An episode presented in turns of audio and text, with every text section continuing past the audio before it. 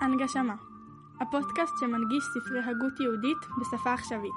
עורך ומגיש, יניב אלוש.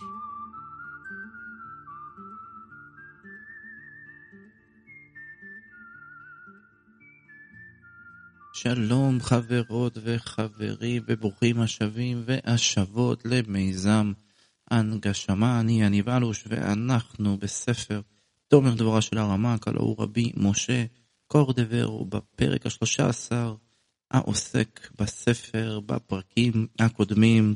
עסקנו במידת הכתר ובי"ג מידות של רחמים. אם זאת פעם ראשונה שאתם מאזינים לנו, בוודאי שאתם מוזמנים לחזור לפרקים הקודמים ולהתקדם עם הספר על הסדר כדי להיות איתנו. אה, לאחר מכן למדנו על מידת החוכמה, שזה להפיץ את החוכמה שלך אה, ולהשפיע על האחרים.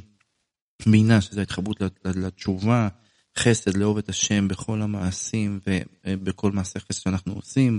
גבורה, לא לכוון להנאת עצמנו כלל, אלא לתקן את יצר הרע, במיוחד כשזה מדובר בבני ביתו ובאשתו. תפארת, שזה כל עניין של לימוד התורה והזהירות מגאווה, בין אם זה זהירות מול התלמידים, מול עני, מול עם הארץ, אמ, והיכולת שלנו להגיע אל האמת. כל הדברים הללו התעמקנו בהם, והרמ"ק רבי משה קורטבירו כדרכו מלמד אותנו כל מידה ומידה בהנהגה האלוקית, ומיד אחר כך מדבר על הפרקטיקה המעשית, לאיך, למה שאנחנו יכולים לעשות על מנת לפעול את המידות האלוקיות הללו בעולם. אז כאמור, אנחנו בפרק שמיני, ובואו נקרא ישר אה, אה, בספר יחד. פרק שמיני. היה הרגיל האדם עצמו במידות נצח עוד יסוד. ואולם, בתיקוני הנצח ועוד, קצתם משותפים לשניהם וקצתם מיוחדים כל אחד לעצמו. והנה, ראשונה צריך לסייע ללומדי התורה ולהחזיקם, אם בממונו ובמעשהו להזמין להם צורכי שימוש והזמנת מזון והפקת כל רצונם, שלא יתבטלו מדברי תורה, ולהיזהר שלא לגנות תלמודם, שלא יתרפו מעסק התורה, אלא לכבדם ולהלל מעשיהם הטובים כדי שיתחזקו בעבודה, ולהזמין להם ספרים, צורך עסקם ובית מדרש, וכל יוצא שהוא חיזוק וסעד לעוסקי התורה. הכל תלוי בשתי מידות הללו, כל אחד כפי כוחו המעט הוא רב.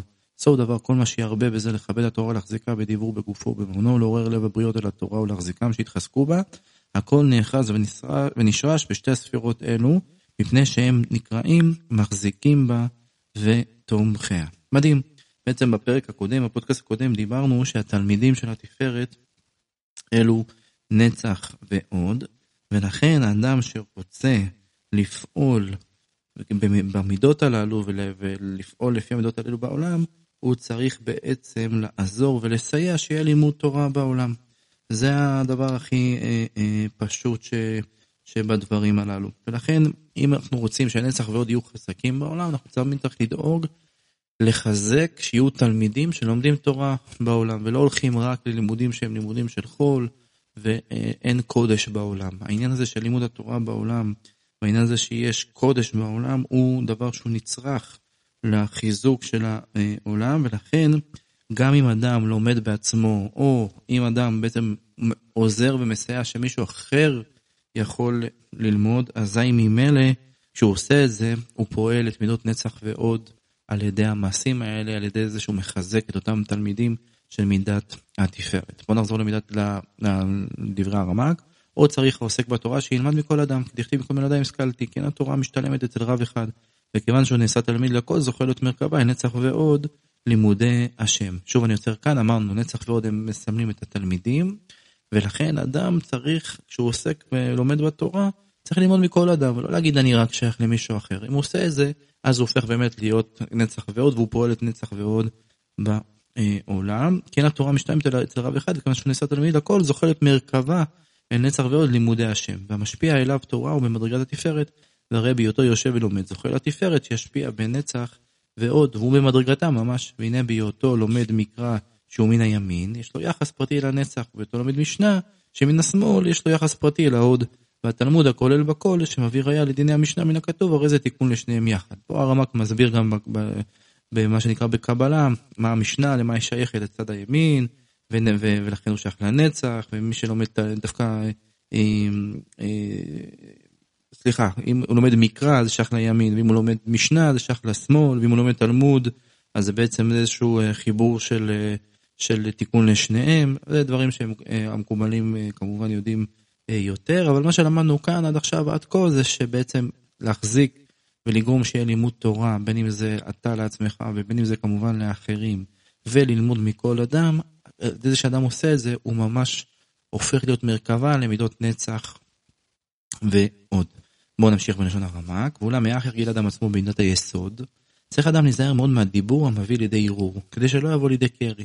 אין צריך לומר שלא ידבר נבלה, אלא אפילו דיבור טהור המביא לידי ערעור ראוי להישמר ממנו. והכי דייק לישנה דקרא, אל תיתן פיך להחטיא בשריך. הזהיר שלא ייתן פיו בדיבור שמביא להחטיא בשר קודש עוד ברית בקרי. וכתיב למה יקצוף האלוהים. ואם הוא נבלות הפה, מה היא להחטיא? הרי הוא בעצמו חטא, אלא אפילו שהדיבור לא יהיה חטא אלא דיבור טהור. אם מביא לידי ערעור צריך להיזהר ממנו. לזה אמר להחטיא את בשרך למה, למה יקצוף. ירצה אחר שמחטיא יקצוף על אותו קול אפילו שיהיה מותר. כי על ידי פעולה רעה נמשכת ממנו חזר הקול והדיבור רע. כל כך צריך זהירות לעוד ברית בדבריו שלא לערער ולא להשחית. טוב, העניין הזה של ברית יסוד, ברית קודש, לא להוציא זרע לבטלה, לא לערער אה, הרהורים רעים של זימה ושל דברים של תאווה, דברים של ניאוף וכדומה. לפי מה שהרמק מלמד, וזה כמובן קשור למידת היסוד, לפי מה שהרמק מלמד אותנו זה העניין של הדיבור, וברור, ברור, ברור לרמק שהוא לא מדבר פה בכלל על נבלות פה, לא קללות וזה, שזה בוודאי פוגם, ויכול להביא את האדם בסוף לידי קרי או לידי איזשהו כשל בכל מה שקשור ליסוד, אלא פה החידוש של הדברים של הרמק זה שצריך להיזהר בדברים שלו.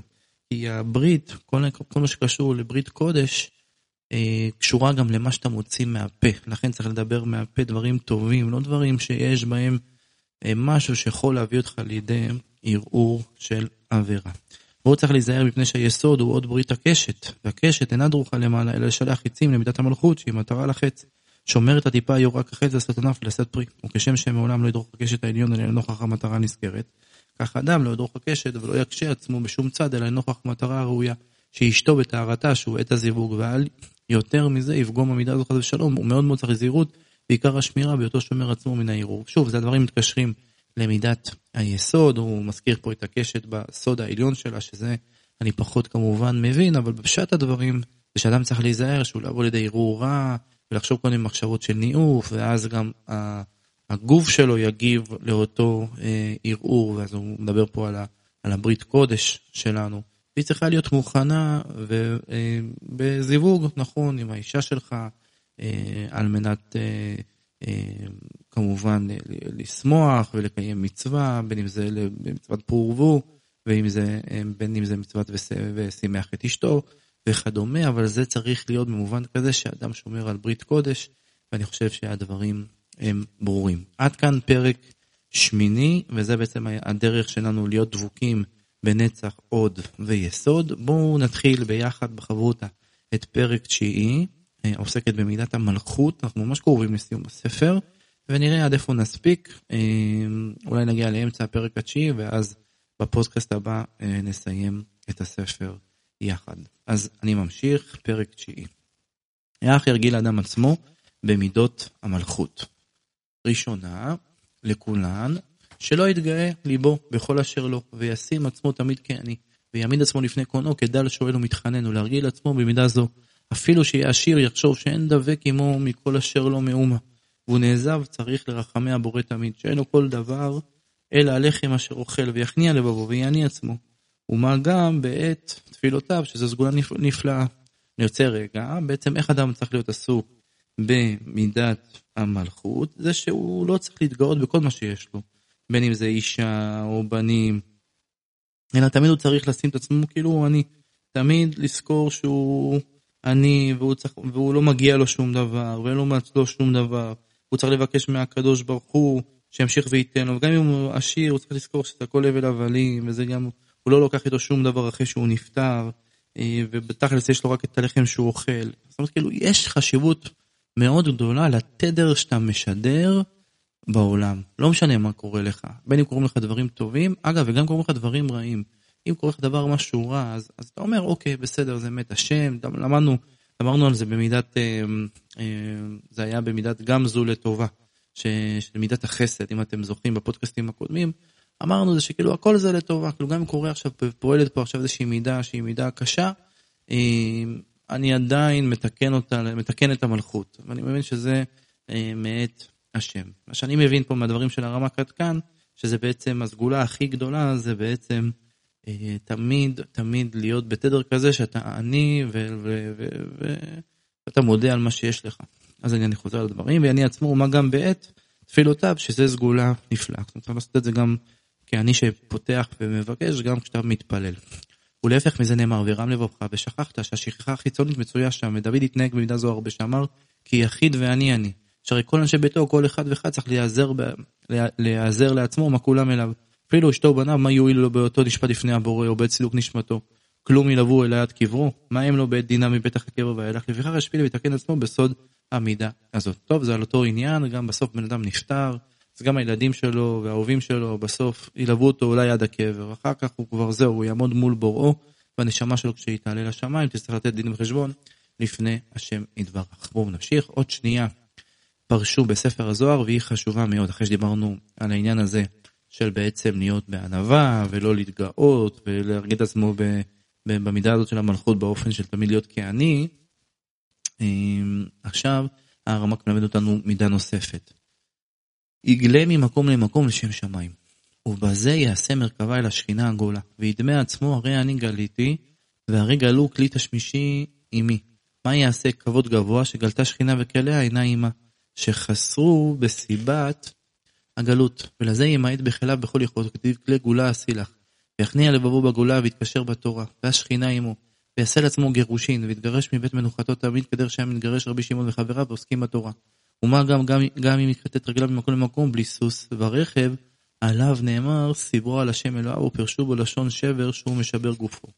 וואו, וואו, וואו, יש פה נקודה מאוד מאוד מעניינת, שבעצם האדם שרוצה להיות מרכבה לשכינה הקדושה, צריך גם לקבל על עצמו גלות. אנחנו יודעים שכשעם ישראל חטא וגלה מארצו, אז גם השכינה גלתה עם עם ישראל.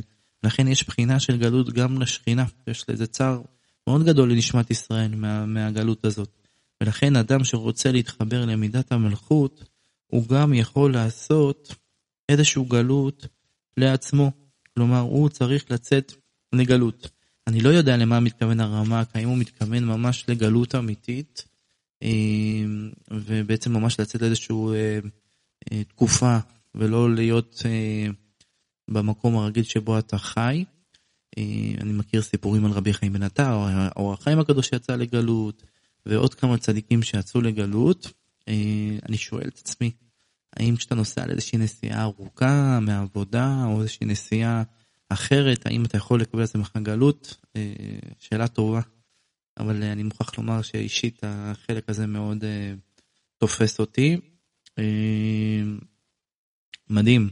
בכל אופן, מה שהרמק מלמד אותנו כאן, שבאדם שנמצא באיזושהי נקודה של גלות, הוא מתחבר למידה האלוקית של השכינה הקדושה, שגם היא נמצאת בגלות, והוא צריך כמובן לכוון את זה וללמוד בתורה תוך כדי. זה חשוב מאוד להיות מחובר לתורה ולעסוק בתורה, ובעצם הוא, הוא ככה הוא מרים את, ה, את, ה, את המלכות מה, מהגלות שלה. מעניין, מרגש. בואו נמשיך עוד טיפה. עוד ממידות המלכות, מידה חשובה מאוד, שאר העבודה כולה, והיא ליראה את השם הנכבד והנורא. והנה היראה מסוכנת מאוד להיפגם ולהיכנס בה אל החיצונים. שהרי אם היא יראה מן האיסורים ומן המיטה ומן גיהנום, הרי זו יראת החיצונים, שכל פעולות אלה מן החיצונים. כלומר, אדם, הנהגה נוספת שקשורה למידת המלכות, זה בעצם המידה של יראה, ש, שמצד אחד יש בה הפחד ממחלות, או מתאונות דרכים, או ממיתה, או מגיהנום וכדומה. אה, אה, ובעצם אה, אדם יכול למצוא את עצמו שהוא מפחד מהשליחים של הקדוש ברוך הוא.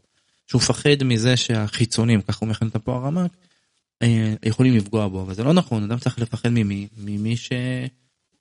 ממי שהקדוש ברוך הוא, ממי ששולח את השליחים עליו, מהקדוש ברוך הוא בעצמו. אנחנו צריך לראות מיראת רוממותו יתברך, ולא מהיראה הזאת שקשורה לחיצונים עצמם.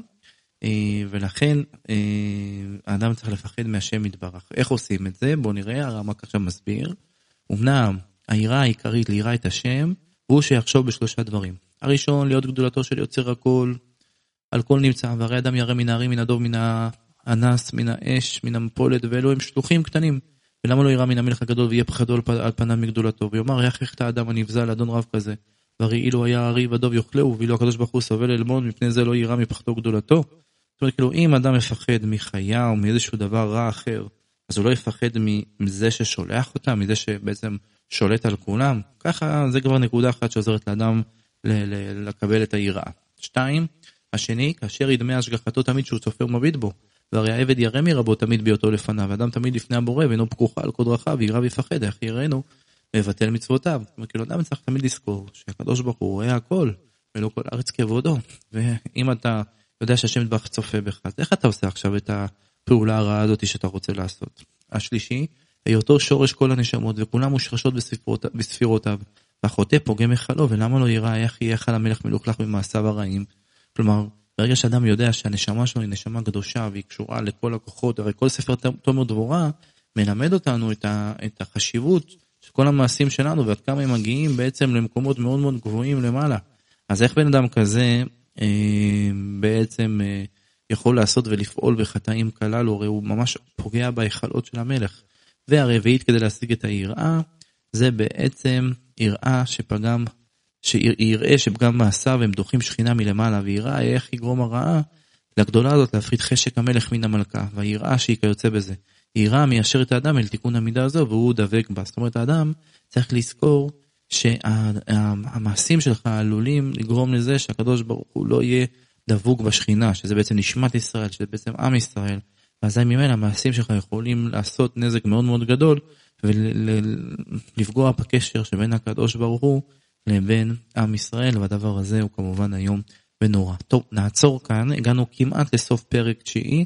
בפודקאסט הבא נסיים את הפרק התשיעי ונלך לפרק העשירי וגם נסיים את הספר. אה, נפלא, תודה רבה שהצטרפתם ולמדתי בחברותה הזאת.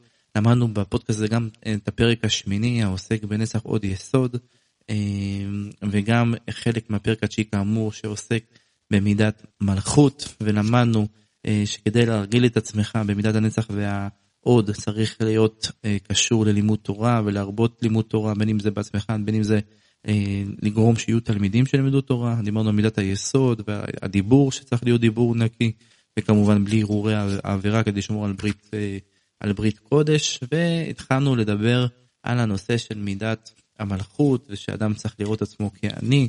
ולהודות על כל דבר. דיברנו על זה שגם צריך אולי לקבל על עצמך גלות, אה, דבר שאותי באופן אישי מאוד מאוד אה, אה, ריגש, וסיימנו בנושא של היראה. אם אתה רוצה להתחבר, אם רוצים להתחבר למידת המלכות, אז בעצם צריך ליראה את השם הנכבד, ולדברים האלו הרמ"ק מסביר איך אפשר לעשות את זה, וזה בעצם לזכור שהגדולה של הקדוש ברוך הוא היא מעל הכל, ותמיד צריך שהקדוש ברוך הוא צופה, ושהוא שורש כל הנשמות, וסיימנו בזה שהפגם של המעשים שלנו יכולים לדחות את השכינה הקדושה מהשם מטבח, והדבר הזה אה, איום ונורא, ונמשיך בפרק הבא, בפודקאסט הבא, אה, לסיים את ספר, אה, את אה, פרק תשיעי, אה, כמו שאמרתי קודם, אז שוב, יישר כוח, תודה רבה, ובשם השם נעשה ונצליח. הנגשמה, הפודקאסט שמנגיש ספרי הגות יהודית בשפה עכשווית. עורך ומגיש, יניב אלוש.